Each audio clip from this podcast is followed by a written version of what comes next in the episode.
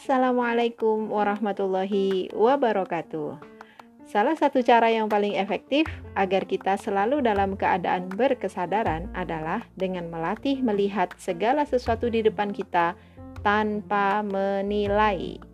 Apa yang tampak dalam pandangan mata kita, maka pandanglah sebagai sebuah peristiwa yang sedang membuktikan bahwa kedua bola mata ini sedang bekerja. Tetapi tidak harus selalu kita memberikan penilaian apakah peristiwa tersebut baik atau buruk, menyenangkan atau menyebalkan, bahagia atau sedih. Untuk sementara, istirahatkanlah sejenak diri kita dari menilai. Cukuplah kita menyaksikan. Kamu harus mencoba kebiasaan ini.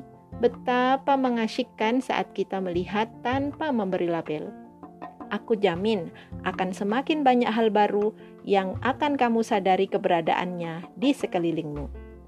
Selama ini, kita terlalu tergesa-gesa untuk menafsirkan satu hal yang sedang kita pandang, sehingga kita melupakan hal-hal lain yang berada di sekitarnya.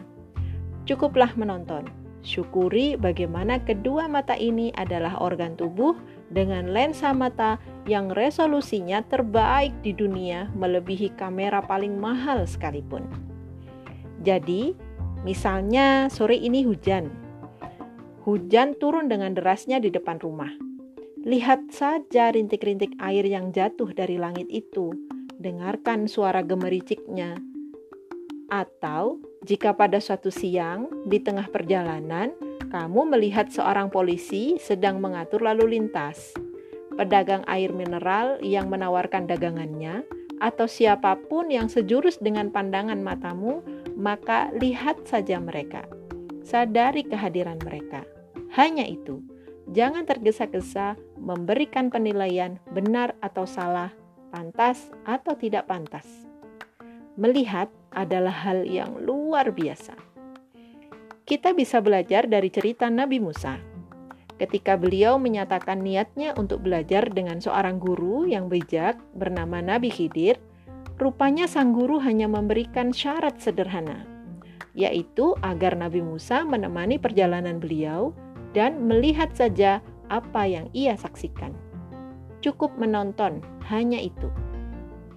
Nabi Musa ternyata tak kuasa menahan dirinya untuk tidak memberikan penilaian apa pun terhadap segala yang tampak dalam pandangannya. Tiga kali kesempatan yang diberikan, tiga kali itu pula beliau selalu ungkapkan komentarnya menurut apa yang ada dalam pikirannya. Aku yakin kamu juga tahu kelanjutan kisah ini. Aku hanya ingin berpesan dari kebijaksanaan Nabi Khidir bahwa ada kalanya dalam keseharian ini kamu hanya perlu memandang. Inilah seni melihat segala sesuatu di hadapanmu yang penting untuk dikuasai. Dari buku Ustadz Arafat, setiap hari ada rejeki baru untukmu.